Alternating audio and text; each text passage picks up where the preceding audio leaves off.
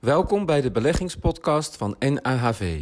Je dient de subjectieve meningen uit de podcast niet te beschouwen als professioneel individueel beleggingsadvies of als vervanging daarvoor.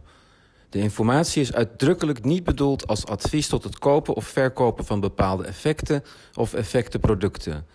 Aan de uitspraken uit de podcast kunnen op geen enkele wijze rechten worden ontleend.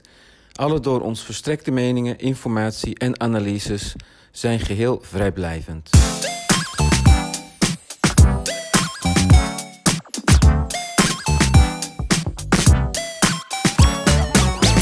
Wat valt er de komende tijd te verwachten op het gebied van beleggen? Daarover gaan we praten in deze podcast van NAHV, de financiële dienstverlener voor de creatieve ondernemer. Mijn naam is Colin van Heesik en ik praat vandaag met beleggingsexpert Peter Visser en Danny Pieters van NAHV. Goedemiddag jongens. Goedemiddag. Leuk dat jullie er zijn. Colin. Uh, ja, wat is er sinds het begin van het jaar gebeurd op de aandelenbeurzen? Peter, kan jij daar wat over vertellen? Ja, wat je ziet is dat we eigenlijk door zijn gegaan op dezelfde voet uh, 2022. En het laatste kwartaal, uh, uiteindelijk uh, zagen we daar ook een mooiere koers op de borden. En uh, sinds begin dit jaar die koers alleen maar verder gestegen. Hangt natuurlijk samen met rente, inflatie, economische verwachtingen. Maar de markten liggen er eigenlijk als een plaatje bij. Ja. Zowel in de US als in Europa. Je ziet nu ook dat China weer open gaat. Geeft een boost aan, uh, aan de economie. Ja. Dus ja, de aandelenbeleggers hebben er weer zin in. En wat je denk ik nu ziet, maar misschien loop ik dan vooruit. Ja, je ziet nu gewoon FOMO. En ik zal... Fear, of missing, out. out. -hmm. Mensen die de, deze rally niet geloven, en dat zijn er heel veel... -hmm. die, uh, ja, die kunnen, je kan niet eeuwig wachten als je fondsbeheerder bent... -hmm. uh, om te kopen. Je wil, je wil op een gegeven moment kan je niet meer veroorloven om de rally te missen. De rally in aandelen. De rally is als aandelen omhoog gaan. Ja. En dat is denk ik wat je nu ziet. Je zag uh, afgelopen week ook in bepaalde belangrijke indices, in de S&P, maar ook bijvoorbeeld in de AIX, dat je tegen een bepaald niveau aanhikt. De AIX, om het even dichtbij te houden, 750. Nou, elke mm -hmm. keer nam de, de beurs nam een aanloopje naar dat, naar dat level. En dan op 48, 49, dan tikken we weer terug. Mm -hmm. He, want de non-believers die gaan, gaan verkopen. Op een gegeven moment hebben we zelfs 738 gezien. Maar na een paar goede cijfers knallen we er gewoon doorheen en we staan er nu boven. Ja. En dat heel, heeft, hebben denk ik heel weinig mensen aanzien komen, slash uh, verwacht. Hm. Danny? Nou, ik uh, heb gisteren het uh, beursjaar al afgesloten met een mooi rendement. Mm -hmm. Namelijk? Nou ja, we hebben natuurlijk een mooi rendement gekregen in de maand januari. En we hadden nu nog een paar mooie beursdagen. Ook vanwege het feit hè, dat die centrale banken waarschijnlijk de rente wat minder lang blijven verhogen.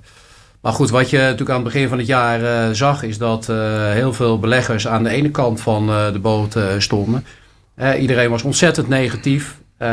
en dan blijkt het uiteindelijk allemaal wel, wel mee te vallen. En ja, wat Peter net uh, terecht zei, al die mensen die zaten te wachten dat die beurs nog een keer nou ja, het niveau van oktober 2022 zou gaan aantikken. Ja, en die mensen die denken nu van ja, misschien gaat dat toch wel niet uitkomen. Dus die gaan nu als een gek aandelen kopen. Ik denk niet eens zozeer dat het, dat het nieuwe beleggers zijn of mensen die al bepaalde posities hadden die aandelen hebben bijgekocht. Maar ik denk met name de mensen die denken van ja, ik zat toch verkeerd gepositioneerd. Ik moet nu toch wat gaan doen. Want misschien komt het wel helemaal niet uit dat we nog een keer die bodem gaan aanraken. En dat heeft ervoor gezorgd dat januari natuurlijk een uitstekende maand was. En dat hadden we eigenlijk al een beetje voorspeld in onze podcast van 6 januari. Ja, iedereen was zo negatief.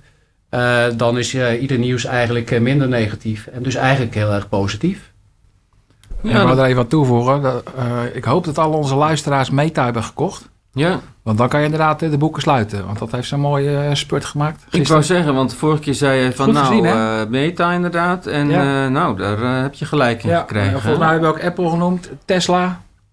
Ja, ja. Dus uh, Eigenlijk tot nu toe is, uh, is volgens mij alles wat jullie uh, hadden voorspeld. we kunnen deze wel podcast denk ik beter dopen, uh, slapend rijk.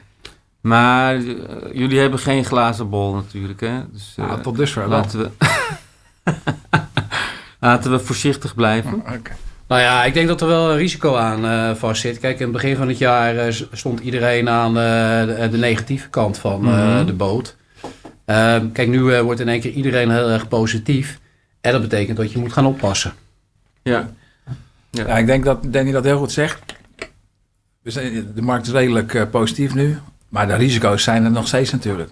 Ja. Je, je kan geen krant openslaan of uh, er is een nakende recessie uh, ja. in aantocht. Ja. In de US of uh, in Europa. En, de inflatie blijft een rol spelen. Laten we die oorlog niet vergeten trouwens. Dat is ook een ja. mega factor natuurlijk. Dat is niet positief. Ja. Je ziet bedrijven met, af en toe met lagere winstcijfers komen. Ja. Niet overal, maar ja, die winstcijfers van de laatste paar jaar, dat, die tijd lijkt een beetje achter ons. Hm? Dus ja, het, zal jaar worden. Het zal niet makkelijk zijn. Maar voor een goede timer hm. valt er een hoop geld te verdienen dit jaar. Ja. En de olie, is dat ook nog een risicofactor, Danny? Nou, de olieprijs is in het tweede deel van 22 toch behoorlijk gezakt. En uh, toen hadden we natuurlijk toch te maken met heel veel uh, lockdowns in uh, China. En sinds kort is China natuurlijk weer open. En mensen gaan daar weer reizen, gaan zich weer verplaatsen over het land, gaan weer naar het buitenland. Mhm. Dat betekent ook gewoon dat er weer meer olie nodig is. Nou, China is een groot verbruiker, dus ik kan me heel goed voorstellen dat die olieprijzen de, de komende maanden weer iets gaan, gaan stijgen. Ja. En het zou me niet verwonderen dat uh, die olieprijs uiteindelijk weer 100 eh, dollar of 110 dollar gaat aantikken. Ja. ja, en dat kan natuurlijk ook wel weer van invloed zijn op het inflatiecijfer ja. voor het tweede deel van het jaar. Ja, dus dan krijgen we toch weer meer inflatie. Terwijl het nu eigenlijk wel weer goed gaat met die inflatie de laatste tijd. Zie ik dat goed? Peter? Nou ja, als we het uh, bekijken vanuit het marktperspectief, hè, laten we het even beperken tot aandelenmarkt. Ja, ik denk, ik denk dat beleggers een beetje tussen hoop en vrees zitten. Mm uh, om even naar uh, wat er vandaag gebeurde. Vandaag kwam, kwam een heel belangrijk cijfer in de US mm over de arbeidsmarkt daar. Dat was een heel goed cijfer. Mm Echt veel beter dan verwacht. Uh, tegelijkertijd, hè, dat is goed voor de economie, dus zou je zeggen goed voor aandelen. Tegelijkertijd zou je kunnen zeggen, oké, als het beter gaat dan verwacht, kan de rente weer gaan stijgen nog verder. Hmm. En dat is weer slecht voor aandelen. Ja. Dus ik denk dat ja, veel beleggers daar een beetje een balans in proberen te vinden van, oké, ben ik nou blij met de goed draaiende economie die inflatie als gevolg heeft of heb ik liever wat, ja, wat gematigder en met een lagere inflatie, dus lagere rente. Uh, en de lage rente, zoals we eerder hebben besproken, is natuurlijk heel is bepalend voor uh, de waardering van aandelen. Ja. was van de week een uh, stuk in het FD van analist. Um, die had het over Goldilocks. Mm -hmm. dat, dat is waar de beleggers altijd naar op zoek zijn. Mm -hmm. Goldilocks is een sprookje. En nou, goed, ik zal de details verder. Nee, maar wat is dat? Nou ja, dat, het gaat, de essentie komt erop neer dat beleggers willen dat de rente niet te, eh, te hoog is en dat de hmm. winsten oké zijn. Hmm. Dus het beste van alles. Ja. En dan zijn beleggers bereid om meer te betalen voor aandelen. Ja. Met andere woorden, de waarderingen nemen toe. Ja. Danny? Nou ja, dat Goldilocks scenario, eh, dat is natuurlijk eh, veel groter geworden de afgelopen maanden. Ehm, kijk, die centrale banken waren heel erg gefocust op, het werkgelegenheids, uh, de werkgelegenheidscijfers. Uh, de werkloosheid bleef heel erg laag en bedrijven bleven uh, maar werknemers aannemen. En die centrale banken die waren eigenlijk bezig om die werkloosheid in ieder geval te verhogen. en dus de economie te verslechteren. Nou, als de economie verslechtert, dan neemt de inflatie af. Alleen we zien nu uh, toch de inflatie op maandbasis inderdaad snel uh, dalen. En uh, nou, er wordt altijd gekeken naar de inflatie van jaar tot jaar. Mm -hmm. Maar als je van maand tot maand kijkt en je stopt daar de juiste elementen in. je stopt daar bijvoorbeeld ook het element in dat de huizenprijzen aan het dalen zijn. Al een tijdje aan het dalen zijn. Nou ja, dan zal je zien dat die inflatie eigenlijk al best laag is. En nou ja, eh, de werkgelegenheid neemt uh, nog steeds toe. Dat hebben we vandaag ook weer gezien uh, in, in Amerika. En eigenlijk is dat best wel een goed signaal. Want ja, als het goed gaat met de werkgelegenheid, dan gaat het vaak ook goed met de consument. Hè, want dan heeft hij vertrouwen en dan blijft hij geld uitgeven. En uiteindelijk is dat ook goed voor de bedrijfswinsten van bedrijven. Dus als je er zo naar kijkt, dan zou dat Goldilocks scenario best, best wel eens uit kunnen komen. dus hmm. dat de inflatie omlaag gaat, dat de rente gaat stabiliseren. Hmm. Dat die winsten van bedrijven op peil blijven. En dat de koopkracht van de consumenten intact blijft. Dus wat hmm. dat betreft ziet het er goed uit. Maar goed, we hebben geen glazen bol. Er kan over een maand weer wat gebeuren. Stel dat eh, China eh, Taiwan eh, binnenvalt en dan zitten we weer in een hele andere situatie met alles wat daarbij hoort. Ja. Nog even over die inflatie. Die is in de eurozone 8,5% in januari. Mhm. maar een kleine nuance. als je kijkt naar de kerninflatie, wat ze bij de ECB ook heel belangrijk vinden. Mm ECB is de Europese, Centrale, Bank, Bank. voor de ja. zonder energie en voeding is het maar 5,2 procent. Ah, ja. Nou zijn dat wel twee hele belangrijke pijlers. Maar, ja. maar even aan te geven hoe belangrijk uh, die zijn. Ja. Nou heeft de Amerikaanse centrale bank, het Federal Reserve, deze week uh, de rente met 25 basispunten verhoogd. En de Europese bank met 50. Uh, wat zijn de gevolgen daarvan voor de koers van aandelen en obligaties, jongens? Nou ja, ik heb naar de markt gekeken en we staan gewoon hoger. Mhm. Zowel in Europa als eh, in Amerika, sinds dat moment. Mhm. Dus ja, eigenlijk wat Danny net, net zei, ja, de markt probeert gewoon te interpreteren waar we heen gaan. Ja. En eigenlijk zegt de markt, de inflatie gaat afnemen en uh, de rente ook. Ja. In Amerika is de tien jaar ook al redelijk gedaald. Mm. En ja, als ik puur naar de markt kijk, is dat de verwachting. Als je naar de mhm. Nederlandse tweejaarsrente kijkt en de tienjaarsrente, die liggen ongeveer op hetzelfde niveau. Die tweejaars wordt meer beïnvloed door de korte rente, het ECB-tarief, dan de 10 jaar. Die 10 jaar heeft er niet zoveel uh, ja, heeft last van. precies, last van. Ehm, je zou ook kunnen zeggen, de markten hebben er vertrouwen in dat de ECB en de Fed en de, de Bank of England, dat die het goede scenario of het goede pad hebben gevolgd. Dat het mhm. effect heeft. Hmm. Danny, hoe kijk jij daarnaar? Nou ja, ik denk dat die centrale banken het uh, wederom uh, mis hadden. Die zijn uh, te lang doorgegaan. Hè, want het verhogen van de rente dat heeft altijd een vertragend effect voordat het echt in de economie zichtbaar wordt. Ehm, kijk, aan de ene kant zijn ze natuurlijk bang dat zich hetzelfde scenario voordoet als in de jaren 80. Hè. Toen haalden ze ook veel te vroeg de voet van het gaspedaal, waardoor de inflatie op een gegeven moment weer toenam met alle gevolgen van dien. Mm. Dat scenario hebben ze volgens mij in hun hoofd. Eh, mhm. En ze zijn uh, tegelijkertijd bezig uh, met hun geloofwaardigheid, die echt tot een nulpunt was gedaald tijdens de coronaperiode. Mm. Toen hebben ze veel te lang de rente laag gehouden, hebben ze veel te lang de economie gestimuleerd. Ja, en mhm. daardoor praten ze nu heel stoer. Maar uh, eigenlijk uh, gaan ze gewoon weer te lang door met alle gevolgen van uh, dien. Mm. Alleen nou, tijdens de persconferentie van de, van de FED deze week uh, zag je toch dat uh, Jerome Paul een hele andere houding aannam dan daarvoor. Hij probeerde wel stoer te praten, maar aan zijn lichaamstaal zag je duidelijk dat hij aangaf van we hebben de inflatie onder controle. En dat is denk ik waar de markten heel erg op hebben gereageerd. Daarmee gaf hij een beetje aan van, nou ja, de, de rentestijgingen liggen nu wel achter ons. Mhm. En misschien gaan we in het tweede deel van het jaar de rente wellicht wel weer verlagen als de economie erom vraagt. Ja. Dus wat dat betreft zijn dat allemaal positieve signalen.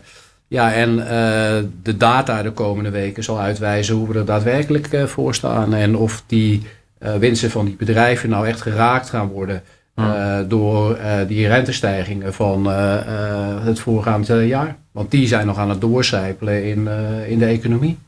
Ja. als je nou kijkt naar de cijfers van het vierde kwartaal 2022, Danny, wat leid je daaruit af? Nou ja, wat ik er zelf uit afleid als je naar de meeste, meeste bedrijfscijfers kijkt. Meta, dat was het Facebook, dat was een positieve uitschieter. omdat die heel erg bezig waren met kostenbesparingen. En eigenlijk gestopt zijn om heel veel geld in hun paradepaardje, de metaverse, te stoppen.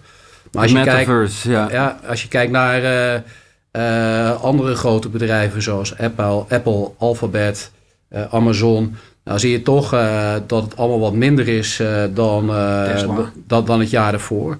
Alleen je kan, het, uh, je kan het ook op een andere manier uh, redeneren. Het ziet er uh, minder slecht uit dan verwacht. Hm. Hm. En misschien hebben ze de, de lat ook wel niet zo heel erg hoog gelegd. Hè, want ze voorspellen ook altijd hoe het komend kwartaal eruit gaat zien.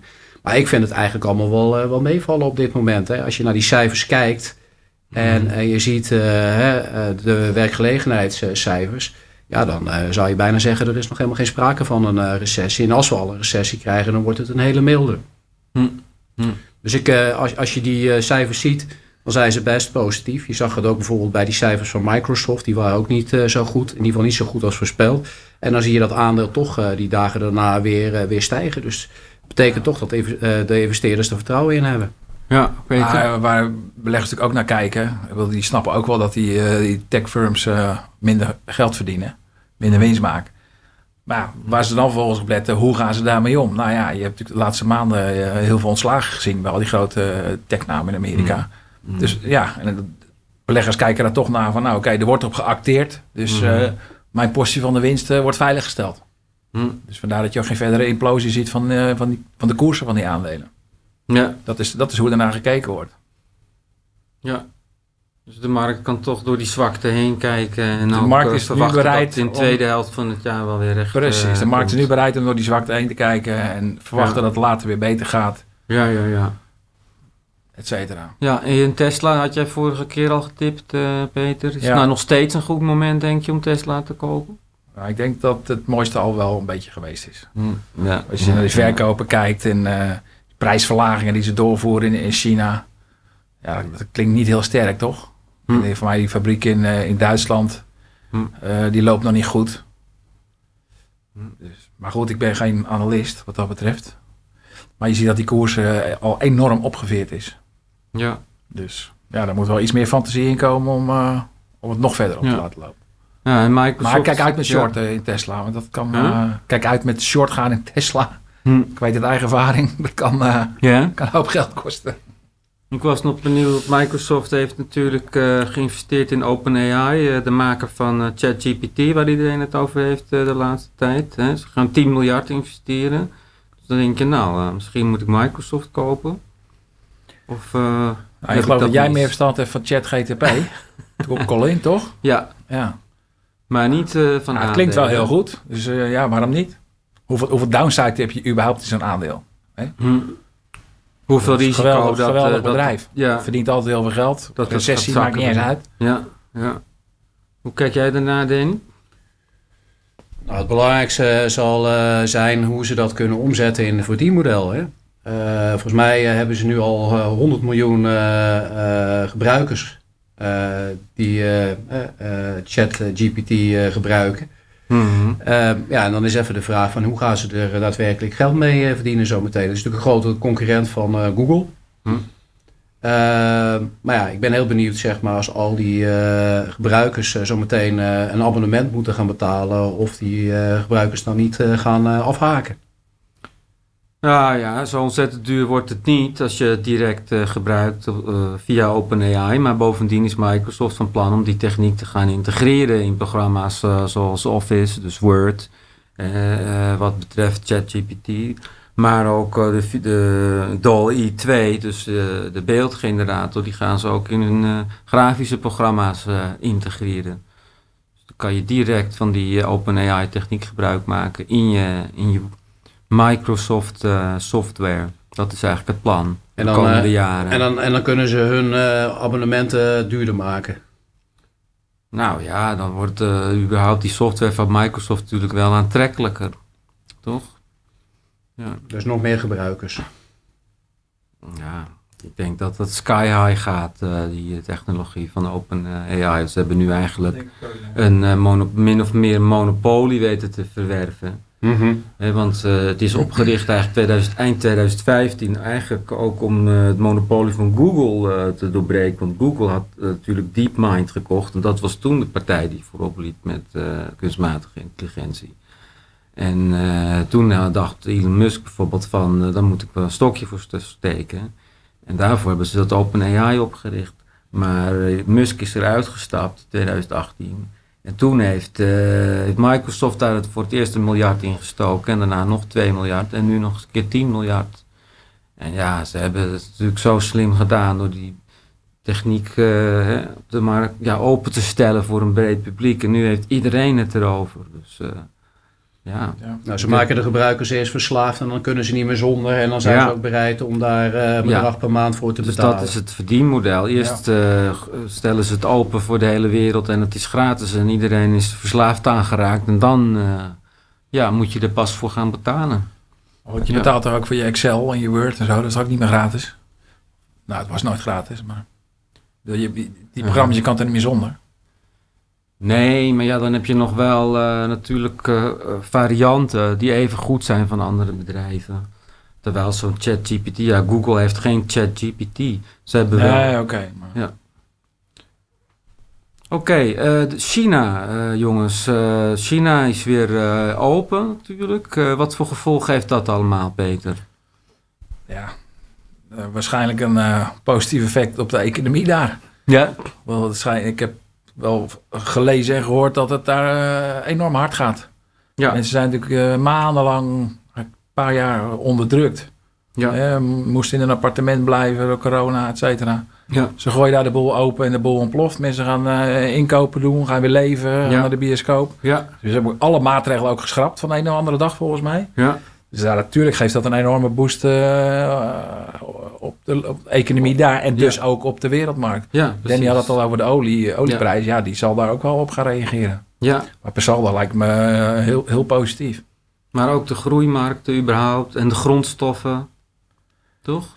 Voor grond, ja, die grondstoffenprijzen zullen ook eh, gaan stijgen, ja. Ja. Ja, dus voor, uit een inflatieperspectief minder goed. Maar Hm. ja, ik denk uit een economisch perspectief is het wel, juist wel heel goed. Dus vorig jaar was China eigenlijk een rem op de wereldeconomie. Ja, en ja. nu kan het eigenlijk een motor Volgens eh, mij wordt er voor worden. 23 alweer 5% groei eh, voorspeld. En ik geloof dat in 22 was het, was het een 20-jarig low, dacht ik daar. Ja, ja. Laagste Ja. punt in 20 jaar.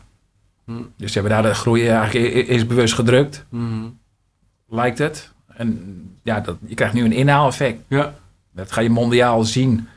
Als je bijvoorbeeld kijkt naar de containertarieven, hè, wat het kost om eh container te verschepen van Shanghai Mhm. naar Rotterdam. Mhm. Dat, dat voor- tot een paar weken geleden lag dat op een multi-year low. Mhm. Eh, veel, veeljarig laag, hè? Want Ja. moest een beetje... Ja. ja, je moest eh, even je groen ja. vermijden vandaag, ja, heb ik gezegd. Dus dat gaat maar, goed. maar dat soort tarieven zullen ongetwijfeld weer gaan stijgen. Dus daar kan je het aan aflezen. Ja. Alright, Danny, jij zit te knikken. Nou ja, die ontwikkeling zie je eigenlijk al vanaf eh, begin januari. Als je kijkt naar eh, de koersen van eh, Chinese aandelen, die zijn denk ik in een maand tijd met 10, 11 procent gestegen. En dat heeft natuurlijk alles te maken met het feit dat de economie in China weer open is. Al die Chinezen nu gaan, gaan reizen, die gaan weer leuke dingen doen, die gaan weer geld besteden. Dus dat betekent ook eh, dat eh, die bedrijfswinsten van die bedrijven in eh, Hmm. China daar het komend jaar van gaan profiteren. Ja. Kijk, en als je kijkt naar de economieën, en met name die Amerikaanse economie, die is wat minder afhankelijk van die Chinese markt. Dus die Mhm. zullen daar wat minder van profiteren. Maar met name hier in Europa hebben we toch heel veel bandjes met China. Duitsland vooral. Hè? Ja, dus, dus ook Europa zal daar eh, behoorlijk van gaan profiteren. Dus Ja, als je eh, toch gaat kijken in welke regio je nu het beste kan eh, beleggen Ja. eh, het komend jaar. Ja, dan zou ik bijna zeggen, dan kan je beter Amerikaanse aandelen, die kan je beter links laten liggen, gezien de, de, de, de, de koers op dit moment. Die zijn Mhm. vrij duur, die Amerikaanse aandelen. Mhm. Dan kan je beter zeggen van, ik koop Europese of Chinese aandelen. Mhm. Want die hebben nog aantrekkelijke koersen op dit, dit moment. Dus dan kan je vrij goedkoop kopen. En eh, daar zit ook nog wel een behoorlijk stukje groei in, eh, gezien eh, de koers-winstverhouding. Ja. Amerikaanse aandelen zijn, wat Danny zegt, inderdaad duur. Maar dus, ja, ja, dat heeft natuurlijk wel een reden. Wel kwaliteit, daar betaal je voor. ja. Oké. En in China beleggen, ja, als dat voor retailbeleggers is dat niet zo heel makkelijk. Hè? Mhm. Dan moet je echt beperken tot, tot fondsen Mhm. of tot eh, Chinese aandelen die in Amerika genoteerd staan. Mhm. Dus daarvan te profiteren is niet, eh, ja. Oké. Hey uh, Danny, jij wilde nog wat vertellen over de crypto's. Zit de bitcoin weer een beetje in de lift sinds het drama met Sam Bankman-Fried? Of hoe zie je dat? Nou ja, dat heeft alles te maken met het feit dat de koersen van tech-aandelen ook weer in de lift zitten. Op het moment dat de rente daalt, dan is dat gunstig voor dat soort groeiaandelen. Want dat zijn allemaal bedrijven die pas in de toekomst toe daadwerkelijk cashflow en winst gaan genereren. En bij een lagere rente gaan die waarderingen van dat soort bedrijven omhoog. En je ziet, nou, als ze op de beurzen wat meer risico gaan nemen, dat het ook een positief effect heeft op de bitcoin. Hmm. En het wordt nu een beetje rustiger. Hè. En ik denk dat de uitwassen zo langzamerhand wel verdwenen zijn. En er komt ook wat meer regulering omtrent die crypto's. En ik denk dat het er wel voor gaat zorgen dat die markt langzaam volwassen gaat worden. Eh, en ik denk dat er uiteindelijk toch wel twee of drie uh, crypto's uh, over zullen blijven. Waar we in de toekomst toe serieus verder mee gaan. Maar ja, de, de, de bitcoin die zat gisteren weer op bijna 24.000 dollar. Hij is nu alweer iets gezakt. Dus hij zit weer in de lift. En er zijn zelfs alweer mensen die roepen... we verwachten dat hij op 100.000 dollar uitkomt over, over een paar jaar. Nou ja. Maar goed, het is altijd eh, goed om, uh, als je gaat beleggen, om, uh, om te spreiden qua risico. Ja. ja. en als je gaat beleggen, dan is het ook altijd goed om een heel klein deel van je beleggingsportefeuille, vaak niet meer dan 5% het geld wat je echt kan missen, om dat in, in de bitcoin te stoppen. Ja. Peter, hoe kijk jij daarnaar? Je bent iets sceptischer geloof ik. ja, ik, ik, denk, ik denk die, nou, ik, ik heb eigenlijk weinig verstand van crypto en ik heb er ook niet zoveel mee. Nee. Ik denk dat uh, wat Danny zegt heel verstandig is. Niet meer dan 5%. Mm. En dan in de wat stabielere, veiligere namen misschien inderdaad. Mm, maar, Ethereum, uh, Bitcoin don't zelf. listen to me, wat dat betreft. Hmm? Nou, ik, ik heb er niet heel veel zinnig over te zeggen. Nee. Maar als ik crypto zou moeten kopen, dan zou ik ook Bitcoin kopen en Ethereum. Ja, ja. ja. Alright. Uh, jongens, de huizenmarkt. Uh, Danny, hoe kijk jij daarnaar? Nou, we hebben de afgelopen weken allemaal kunnen lezen dat de huizenprijzen in Nederland al flink gedaald zijn de afgelopen periode. Mm -hmm. Met name in de grote steden, steden zoals Amsterdam. In Amsterdam zelfs meer dan 10 procent. Ehm, ja, ik denk alleen dat de grote steden, met name Amsterdam, altijd ver voorop, ver, voorop lopen op de ontwikkelingen in de rest van het land. Dus mm. Amsterdam is een beetje de bekende kanarie in de kolenmijn. Alleen denk ik wel dat mensen een beetje moeten gaan wennen aan de nieuwe realiteit. Mm. Kijk, als je kijkt naar de hypotheekrentetarieven op dit moment, ja, die zijn flink gestegen. Ehm, maar ja, als je dat over een wat langere periode bekijkt, dan zijn ze nog steeds historisch laag. Alleen we zijn met z'n allen nu een beetje aan het afkicken van uh, die uh, lage rentetarieven die we jarenlang hebben gehad. En die tot een hoogtepunt kwamen in de coronaperiode toen geld bijna gratis was. Dus dat heeft ervoor gezorgd dat die huizenprijzen extreem zijn gestegen. Dat extreme dat loopt er nu een beetje uit. Ja, als mensen zo meteen weer gewend zijn aan wat hogere hypotheekrentetarieven, dan ben ik ervan overtuigd dat mensen ook weer zich gaan oriënteren op die woningmarkt. En dat de kopers vanzelf uh, terug gaan komen. En ja, de eerste markten die vaak herstellen zijn ook weer uh, die grote steden. Ja. Dus ja, ik denk niet dat, uh, dat, dat de prijzen nog veel verder gaan dalen in, mm. in Amsterdam. Misschien in de rest van het land nog wel. Mm. maar dat we in het tweede deel van, van dit jaar ook weer stijgende woningprijzen gaan zien in, in mm. steden zoals Amsterdam, Rotterdam. Utrecht. Dus het is gewoon even wennen aan de, aan de nieuwe realiteit. Want er, is een, er is nog altijd meer vraag dan aanbod. En nou ja, dat, ja. Dat, leeg, dat, dat, levert een, stevig fundament onder die woningmarkt op. Ja. Dus ik ben best positief. Ondanks dat nu heel veel partijen roepen van ja, die huizenprijzen die zouden nog wel eens verder kunnen dalen. Maar de ervaring leert ook dat die partijen altijd iets roepen op het moment dat het fenomeen zich al heeft voorgedaan. Ja, ja. Precies. Als je, zodra de krantenkop zijn van uh, huizenprijzen weer hard gedaald. Mhm. Ja, dan, dan is meestal het keerpunt uh, nabij, is mijn ervaring. Ja. Toch? Ja. ja. Zit dat in? Ja. En we zijn het erover eens dat de rente niet heel verder, ja, wellicht eerder zal afnemen, toch, dan, dan toenemen. Ja, dat zal toch een keer een effect hebben op de hypotheekrente ook. Als, en als, als de vraag naar huizen weer toeneemt en er wordt meer vraag naar hypotheken, dan zal, krijg ik meer concurrentie bij de hypotheekverstrekkers. En waar- hoe kunnen die concurreren? Ja, op eh, gebied van rente. Toch? Ja, daar weet Danny natuurlijk misschien wat meer van. Nou ja, dat is wel een goed punt wat eh, Peter maakt. Kijk, als je eh, ook de ontwikkelingen op de Amerikaanse woningmarkt een beetje in de gaten houdt. Daar was de rente, en daar houden ze met name die 30-jaars eh, rente heel erg in de gaten. En die was er opgelopen tot boven de 7%. Ja, en die zie je nu toch snel, eh, snel dalen. Mhm. Ehm, en het was natuurlijk ook een beetje een gek fenomeen eh, dat die hypotheekrentes heel snel opliepen, terwijl bijvoorbeeld spaarrentes eh achterbleven. Mhm. Dus ik denk sowieso dat die hypotheekrentetarieven te snel zijn opgelopen. Mhm. En nu we toch ook een beetje gaan zien dat die centrale banken wellicht in het tweede deel van het jaar de rente wellicht alweer eh, iets eh, gaan eh, laten dalen. Dan zou het mij niet verbazen dat ook de hypotheekrentetarieven dit jaar weer gaan dalen. En dat zal ongetwijfeld ook een positief effect hebben op de woningprijzen. Ja. ja. Oké jongens, nou we hebben veel ontslagen gezien in de tech-sector de laatste tijd. Eh, wat eh, is het effect daarvan eh, volgens jullie, Peter? Om te beginnen. Ja, beleggingstechnisch eh, hè, we hebben het net al genoemd. Dat is goed voor de, de waardering van, eh, van die bedrijven. Ja, Management Ja. laat sowieso zien dat ze, dat ze acteren op eh, veranderende omstandigheden. Ja.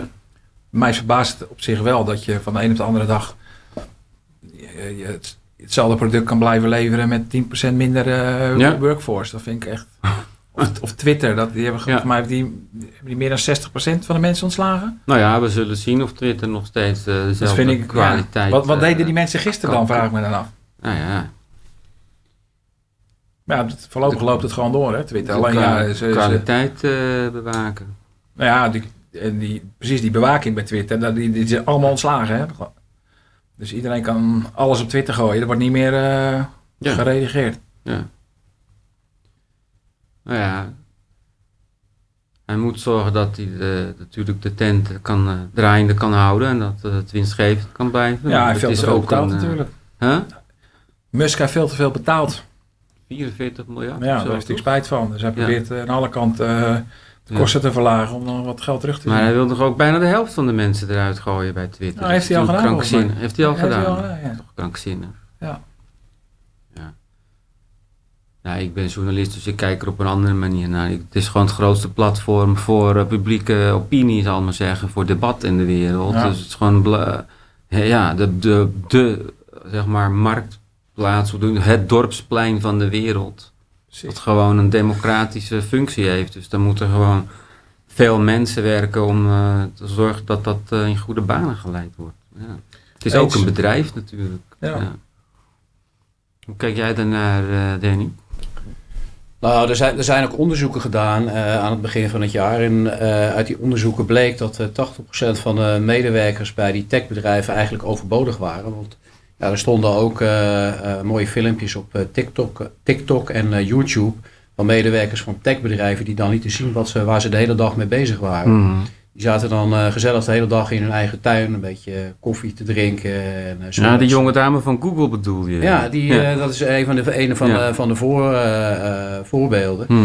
Eh, ja, er wordt toch gezegd inderdaad dat eh, de arbeidsproductiviteit eh, met name in die eh, business heel erg laag is. Hmm. En ik denk dat dat ook een van de problemen is eh, die de algemene economie eh parten speelt. Want er wordt ook heel veel mensen aangenomen, dus gigantisch eh, tekort. Hmm. Maar je zou verwachten als je heel veel mensen aanneemt, Ja. dat veel meer mensen gaan werken, Hmm. dat dan de productie heel erg toeneemt. Ja. Maar wat eigenlijk een beetje blijkt is dat we met veel meer mensen hetzelfde werk aan het doen zijn. Dus er gaat toch ergens wat mis in de productiviteit. Ja, en op het moment dat het wat minder gaat in de wereld en eh bedrijfswinsten staan onder druk en de, mar- eh, de margins van eh, bedrijven staan onder druk, ja, dan zie je vaak dat bedrijven in actie komen en dan gaan ze nadenken van hé, hey, moet de productiviteit niet omhoog, waardoor mijn winstmarges weer hoger worden. Ja. ja, en dat zie je nu een beetje gebeuren. En die techbedrijven zijn de eerste. Ja, dat is ook weer het bekende kanarie in de kolenmijn. En ik ben ervan overtuigd dat Hey, zich dat als een olievlek gaat, Ja. gaat verspreiden. Dat is nou de tweede keer dat je die kanarie in de kolenmijn noemt. Nu ben ik wel benieuwd, wat eh, bedoel je daar eh, precies mee? Nou ja, volgens mij eh, gebruikten ze vroeger kanaries in die kolenmijnen om te onderzoeken of er geen eh, giftige stoffen in de Ah, lucht ja. zaten. Precies. Als die dood neervielen, Dan moest Ja. je er niet dan wezen. moet je niet naar binnen. Nee. Ja. Ja. Dus, de, de- dus dat is de Amsterdamse huizenmarkt. Ja, indicator voor... Ja. Ja, ja. ja. Ja. Oké. Het geeft een beetje aan waar de rest van het eh, land eh, naartoe gaat. En dat eh, zie je nu ook bij die techbedrijven. Ja. Weet je, eh, anderhalf jaar geleden, toen, eh, toen, toen die centrale blanke banken maar bleven volhouden dat de rente niet verhoogd hoefde te worden. Toen zag je met name bij die hele eh, kleinere techbedrijven. Eh, za- za- zag je al dat die eh, waarderingen eh, omlaag gingen, Mm. dat mensen die aandelen gingen verkopen. Hmm. En ja, nu zie je eigenlijk hetzelfde bij de wat grotere techbedrijven die gewoon als eerste eh, Mm. mensen gaan ontslaan. Hmm. Nou, dat zal ongetwijfeld ook gaan doorzetten bij, eh, bij bedrijven in andere sectoren. Ja. Ja. Peter? Jongens, even een huiskamervraag tussendoor. Ja. Welk bedrijf, eh, welk Nederlands bedrijf, dus aanhalingstekens, verdient 4,8 miljoen per uur? Geen idee. Danny? 4,8 miljoen eh, per uur. Nou, dan zou ik bijna zeggen dat is eh, ASML. Nee, Shell. Oh, Shell. Oh, echt? Ja. Ja. De winst van Shell is net zo groot als eh, de andere 24, eh, als de winsten van alle vier, jemig, van de andere 24 namen in de AX combined. Oh, echt? Ja. Ja. Ja, ze hebben een fantastisch jaar eh, Ja. gedraaid natuurlijk. Precies. Gaat dat doorzetten, denk je, Peter? ja, ik denk het niet. Nee. Nou, ja, afhankelijk van die oorlog weer natuurlijk. Ja, Ja. wat kan je daarover zeggen? Hm. Blijkbaar maken ze enorme marges. Hm. Nou, Nou ja, kijk, Shell is eigenlijk niet geen Nederlands bedrijf meer. Hè. Dat is ook natuurlijk een beetje vreemd. Shell is natuurlijk vertrokken naar eh, het Verenigd Koninkrijk. Koninkrijk. Ja. We hebben Shell eh, weggejaagd. mhm. En eh, ik hoorde gisteren eh, Jesse Klaver Mhm. in een interview op BNR. En die is van plan om de winsten van Shell nog zwaarder te gaan belasten. Die wil de surplus-winsten van Shell met 50% eh, gaan belasten. Dus ja, dus even de vraag of ze datgene wat ze nu genereren, of, of, of dat zo zal blijven, blijven doorgaan. Ja. Ze hadden natuurlijk altijd al heel veel eh, eh, cashflow waar ze, waar ze niks mee konden. En dat gaven ze dan terug aan eh, aandeelhouders. Dus ze hadden heel veel geld op de bank staan. Dat is nog steeds zo. Hm. En volgens mij is het zo dat dat soort bedrijven genoeg heeft aan een olieprijs van volgens mij iets van 60, 65 eh, dollar per vat. En met dat soort prijzen kunnen ze heel erg winstgevend zijn. Ja. Dus ja, eh, als je ervan uitgaat dat die eh, heropening van China de olieprijzen nog eh, iets verder Ja. zal gaan verhogen, dan denk ik dat ze wederom een goed jaar gaan krijgen. Hm. Tenzij politici echt gaan ingrijpen en gaan zeggen: van, joh, eh, draag maar een deel van de winst af van Ja. de staat. Nou, jij kijkt daar kritisch naar, geloof ik. eh, naar wat Klaver ja, ik, ik, bijvoorbeeld. ik, ik hou zelf niet zo van overheidsbemoeienis. Nou, eh, toen het een paar jaar geleden wat minder ging met Shell, zei Jesse Klaver inderdaad niet, weet je wat, we, we passen wat bij. hm. Toch? Maar Ja. als het heel goed gaat, moet je extra betalen. Ja. Dat is dan een beetje... En jullie zeggen van ja, we hebben die bedrijven toch de komende 10, 20 jaar waarschijnlijk nog wel nodig. Ja, daar lijkt het toch wel op. Ja. De wereld kan nog steeds niet zonder olie en gas. Ja. Zeg dan, ja, zeg dan tegen Shell, eh, investeer meer uit je winst in eh, alternatieve energiebronnen. Dat vind ik sympathieker dan eh, de boel wegbelasten. Ja. Toch? Ja. Misschien ook efficiënter ook. Hm. Ja, het is een beetje tegenstrijdig natuurlijk. Hè. Ehm, die politici eh, maken allemaal plannen om eh, de economie heel snel te verduurzamen. En dat is op zich natuurlijk eh, ook goed. Hm. Alleen ze vragen zich no- natuurlijk nooit af hoe ze, zo- hoe ze dat op korte termijn gaan realiseren. Hè. Wat ze zich vaak niet realiseren is dat ze dit, dit soort bedrijven nog twintig jaar nodig hebben. Ja. En dus ook helemaal niet efficiënt om tegen pensioenfondsen te zeggen, investeer niet meer in fossiel. Hm. Hoe onsympathiek dat ook klinkt. Hm. Want hoe minder de investeringen, hoe minder eh, olie er wordt opgepompt, hoe Ja. minder gas er wordt gewonnen. Hm. Waardoor de prijzen stijgen. Ja, en de consument betaalt dat. Ja. Dus het is een beetje voor de bühne natuurlijk. Je- Voorlopig kan je niet zonder. Nee, en dat is natuurlijk ook het grote probleem geweest van de afgelopen tien jaar. Die bedrijven hebben nauwelijks meer geïnvesteerd in eh, de infrastructuur. En dat is ook eh, de reden dat eh, die olieprijs natuurlijk nu zo eh, hoog is. Ja. Dus uiteindelijk is het een eh, logisch gevolg van eh, de afgelopen tien jaar. Eh, ja, en als we, als we nu nog niet geleerd hebben van het eh, verleden, dan, eh, dan leren we natuurlijk eh, er nooit van. Ja. Alright. Ik wil even naar die biotech aandelen, want daar wilde jij geloof ik ook iets over vertellen, eh, Danny. Ik had het net over Novo eh, Nordisk eh, in de voorbespreking. Dat is een eh, Scandinavische fabrikant van afvalpillen bijvoorbeeld. Eh, Hoe kijk jij daarna naar die sector? Nou ja, er zijn natuurlijk heel veel bedrijven die bezig zijn met de ontwikkeling uh, van uh, medicijnen. Uh, kanker, die kanker Mhm. bestrijden of die hartproblemen proberen te voorkomen. En zo zijn er nog veel meer bedrijven. Alleen, ja, daar gaat natuurlijk best wel wat geld in dat soort bedrijven om. Hè? Want voordat zo'n medicijn ontwikkeld is, ben je gewoon jaren verder. En vervolgens, als je iets hebt ontwikkeld, dan uh, moet je nog goedkeuring uh, aanvragen van de autoriteiten. Hmm. En dan zie je vaak dat die autoriteiten het weer afkeuren. Dus heel veel van dat soort bedrijven die verdwijnen ook weer na verloop van tijd. want als je medicijn uiteindelijk niet succesvol blijkt te zijn, dan heb je geen bestaansrecht en dan zijn al die investeringen voor niks geweest. Hmm. ja, dat kan natuurlijk een interessante groep zijn om in te beleggen. Alleen ja, het advies is dan altijd om niet in één of twee van dat soort bedrijven je geld te stoppen. Maar dan kan je beter zeg maar kiezen voor een ETF Ja. waar meer van dat soort bedrijven in zitten. En dan spreid je ook een beetje het risico. Ja, en even nog uh, voor, de, voor de luisteraar. Een ETF is een soort mandje waarin je verschillende eieren uit dezelfde sector uh, legt. Om het risico te spreiden. Zeg ik dat goed? Exchange Traded Fund. Ja. Dus je koopt een mandje aandelen. Inderdaad. Ja. Ja. Oké, duidelijk. Uh, ja, dan wil ik nog even hebben over uh, Racing. Dat is een platform uh, waar je dus terecht kunt voor deposito's met opvallend hoge, hoog rendement. Tot 3% zag ik, Danny. Kan je de, dat een beetje toelichten? Ja, de spaarrentes en de rentes op betaalrekeningen zijn bij Nederlandse aanbieders nog steeds laag. Die zitten nu wel iets in de, in de lift. Mm -hmm. En dat is een uh, platform uh, dat eigenlijk een aantal administratieve zaken uh, regelt voor een aantal banken binnen Europa. Dus die doen het hele proces wat normaal gesproken zo'n bank doet. Mhm. En als je dat proces één keer hebt doorlopen, dan kan je eigenlijk bij een aantal banken in Europa kan je gewoon zonder problemen kan je een rekening openen. Mhm. En die Europese banken die bieden ook allemaal deposito's aan. En die deposito's die hebben een looptijd van zes maanden tot pakweg vijf jaar of, zelfs nog iets langer. Mhm. En als je bijvoorbeeld een deposito opent nu bij een aantal Europese banken voor een periode van 12 maanden, Mhm. dan krijg je al ruim 3% rente op dit, dit moment. Ja. Nou, dat zijn rentes die je hier in Nederland niet, niet krijgt. Uh, en het, uh, nou, het mooie van uh, die deposito-rekeningen bij die Europese banken is, is dat je tot een ton per bank eigenlijk valt onder het garantie-depositostelsel. Mhm.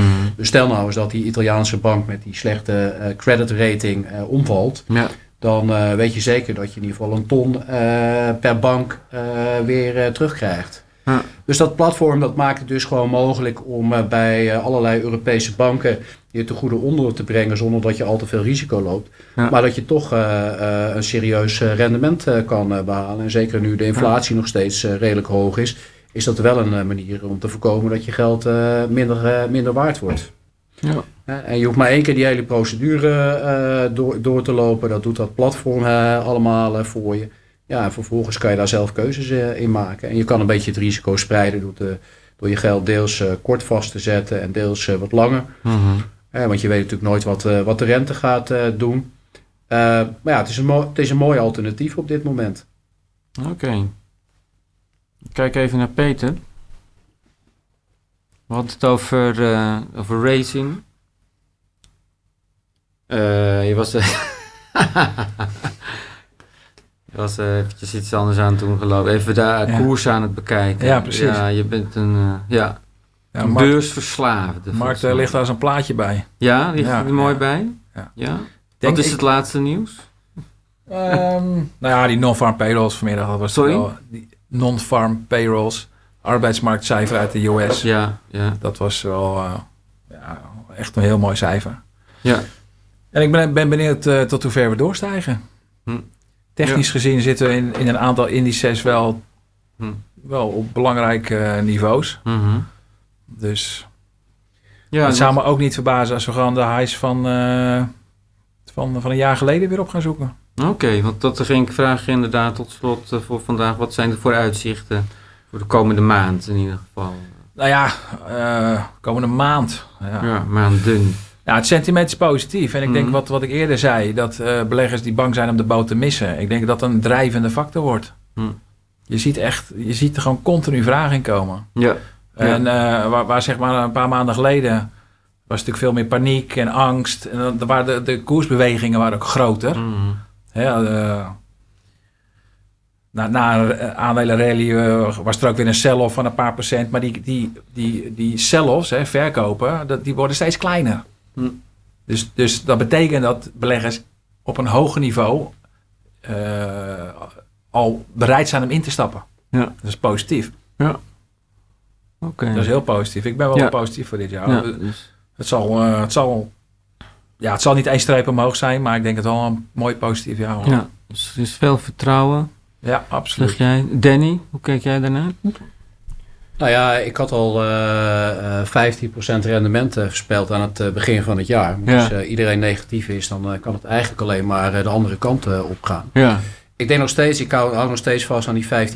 Maar gezien de koersontwikkelingen van de eerste weken, denk ik dat het nu wel een eh, moment is om een beetje voorzichtig eh, te zijn. Mhm. Eh, wat Peter net ook al aangaf, je ziet nu met name al die mensen die zich klaarmaakten voor een ritje naar beneden. Die dachten we gaan die, die bodem van oktober gaan we nog een keer testen. Mhm. Dat die mensen nu denken van ja, we, zi- we zitten allemaal verkeerd. Laten we nu maar de andere kant van de boot kiezen. Mhm. En die zie je nu toch allemaal massaal instappen. Mhm. Uh, maar ja, ik zou nou, nou een beetje eh, voorzichtig zijn. Misschien is dit wel het eh, moment om een beetje winst eh, te nemen. Om even het gas, eh, de voet een beetje van de gaspedaal eh, af te halen. Mhm. Maar ja, ik denk dat, eh, dat, dat het een volatiel jaar zal blijven. Hè, met Mhm. pieken en dalen. Maar ik denk aan het einde van het jaar eh, dat we, zeker als je bijvoorbeeld de S&P 500 in eh, Amerika als benchmark zou nemen. Ik denk dat we gewoon 15% hoger eh, staan. Alleen ik denk wel dat je eh, misschien eh, Amerika een beetje moet eh, verlaten. Als je echt wat meer rendement eh, wil halen, dan moet je denk ik toch voor Europa kiezen. Omdat die eh, koers-winstverhoudingen een stuk aantrekkelijker zijn dan eh, Mm. van die Amerikaanse bedrijven. En Mm. nogmaals, ja, ik denk dat China eh, en eh, sowieso eh, alle emerging markets, eh, dat dat best wel aantrekkelijke eh, investeringen zijn. Zeker ook omdat die dollar nu eh, in waarde aan het, eh, aan het dalen is. Mhm. Dat is meestal een goed teken voor, eh, voor dat soort eh, landen. En Dat is dan ook India en Brazilië bijvoorbeeld. Ja, precies. Ik de denk dat dat, ja, dat zijn, dat, die moeten toch nog een inhaalslag maken, ook qua valuta. Eh, die valuta's zijn ook behoorlijk eh, gedaald. En ik denk dat je een beetje moet wegblijven nu van de wat grotere bedrijven. De large caps noemen ze dat. En dat je, als je wat extra rendement wil maken, dat heeft het verleden ook geleerd. Dat je beter nu eh, in small caps en wat kleinere bedrijven kan eh, gaan eh, beleggen. Daar heb je ook mooie ETF's eh, voor. Ja. En in zijn algemeenheid moeten die nog een beetje een inhaalslag eh, maken. En die leveren toch eh, vaker wat meer rendement eh, op. Even voor de luisteraar, small caps, eh, dat gaat tot 2 miljard. En de, de, de, de big caps is vanaf een miljard of 10. eh. Ja. Ja. ja, ja. Dus dat zijn echt de allergrootste bedrijven. Ja, want kijk, die, die, die kleinere bedrijven die lopen vaak eh, in slechte jaren ook de grootste klappen op. Eh, want die grotere bedrijven die zijn vaak wat stabieler. Eh, ook omdat er mee weer wat meer waarde in, eh, in zit. Ja. Dus ja, ik denk dat die wat kleinere bedrijven dat die een inhaalslag eh, gaan maken. Ja. En eh, nu er ook wat meer risico eh, wordt genomen. Ik denk dat, eh, dat, dat je daar moet zijn als je eh, wat meer rendement wil maken dan bijvoorbeeld eh, als, je, als je de benchmark, de S&P 500 als S&P uitgangspunt... eh, 500 zijn de vijf, 500 grootste Amerikaanse bedrijven. Ja. En er zitten heel veel sectoren in, dus heb je ook meteen een mooie spreiding voor, voor, voor de risico's die er, die er zijn. Nou, als je die als benchmark neemt, dan denk ik dat Ja. je in eh, andere beleg- beleggingen die benchmark eh, eh, kan verslaan eh, dit jaar. Peter, jij wil heel graag nog wat zeggen, geloof ik. Nou ja, je ziet in de laatste weken zie je ook eh, die Eurostock 600, hè? die 600 grootste Mhm. Europese bedrijven, die, die, die index zie je ook eh, de, de S&P bijvoorbeeld outperformen. Outperformen. nou ja, vaak, vaak zie je dat Amerika, ja, dat Ja. Amerika wat, wat slechter ligt en Europa gewoon in de plus. Ja. Dat komt ook door door zwakkere dollar. Ja. Dat heeft, is ook een factor natuurlijk. Ja. Maar dat zie je inderdaad wel, eh, wel gebeuren. Ja, en ik denk dat het komend jaar gewoon heel interessant wordt. Want ja, je moet niet uitsluiten dat winsten van bedrijven af gaan nemen. Mhm. Eh, Je ziet vandaag dat hele goede cijfer in Amerika. Hè, veel meer banen erbij. Ja, de, de- Mhm. als de markt op een gegeven moment bang wordt voor een loonprijsspiraal. Hè, Mhm. te weinig werklozen, te veel banen. Bedrijven moeten meer gaan betalen. Ja, eh, en, en als bedrijven die kosten niet kunnen doorrekenen aan, aan, aan, eh, aan de consument, Mhm. ja, dan moeten ze dat de kosten van de marge laten gaan. Dus ja, dan, ondanks dat het goed gaat, zou je dus wel een winstrecessie kunnen krijgen. Hm. Wat de waardering van aandelen onder druk zet. Hm. Daartegenover, als er, eh, de rente blijft dalen, dan ja, dat weegt een beetje tegen elkaar op. En dan denk ik dat die eh, rente nog belangrijker is voor de waarderingen dan, Hm. dan de. Alright. Nou ja, wat, wat, wat denk ik wel belangrijk is om eh, nog te vermelden. Hm. Nu blijkt ook weer, hè, al die mensen die in paniek zijn uitgestapt eh, gedurende het jaar eh, 2022. En die daarna niet meer durfden in te stappen. Dat die weer eh, de verkeerde beslissingen hebben genomen. Hm. En je ziet ook zeg maar in eh, eh, de korte periode dit jaar die we nu hebben gehad. Is dat die aandelenkoersen ook wel extreem snel kunnen herstellen. Dus als je eh, in een eh, slechte markt bent eh, beland, dan kan je beter blijven zitten. Als je geschoren wordt, kan je beter blijven stilzitten. Ja, dat ja. is natuurlijk bekende gezegde. En ja, dat blijkt nu eens te meer. En we gaan vaker dagen krijgen dat we van de ene naar de andere kant gaan. Maar daar moet je eigenlijk gewoon niet op letten. Je moet Mhm. gewoon voor ogen blijven houden dat je aan het einde van het jaar eh, 15% rendement wil maken. Ja, en na dat slechte jaar van vorig jaar ja, moet, moet, dat, moet dat wel lukken. Hm. Maar dan moet je wel gewoon eh, je verstand blijven gebruiken en eh, de emoties niet de overhand te laten nemen. Ja. Maar even terug naar die mid- en small caps. eh, waar je wel rekening mee moet houden. Dat dat vaak aandelen zijn waar iets minder liquiditeit in is. Hm. Dus bij een slecht bericht of een goed bericht, dan zijn de bewegingen ook forser Hm. dan in large caps. Meer volatiliteit, Ja, meer bewegelijkheid. Overigens staat die volatiliteit, hè, die VIX-index, waar we het vorige keer over hadden. Die staat ook nu op de, het laagste punt van het, sinds een jaar volgens mij. Oké. Dus Dus daar zie dat, je geeft, dat, aan dat, geeft, eh, dat is een hele belangrijke indicator hè, om naar Ja. te kijken. Zou ik iedereen aanraden. Daar zie je Hm. gewoon Hm. of er paniek is of niet. Oké. En als ik nou wil gaan beleggen, Peter, kan ik dan bij jou terecht voor advies? Ja hoor, zeker. Je hebt mijn nummer. Nou, goed om te weten. Oké. Eh, dank jullie wel, jongens. Dat was weer interessant. Ja, het was eh, leuk om weer aanwezig te zijn, hè, Colin. Ja, eh, en ik Graag zou gedaan. zeggen, prettig weekend en eh, tot de volgende keer.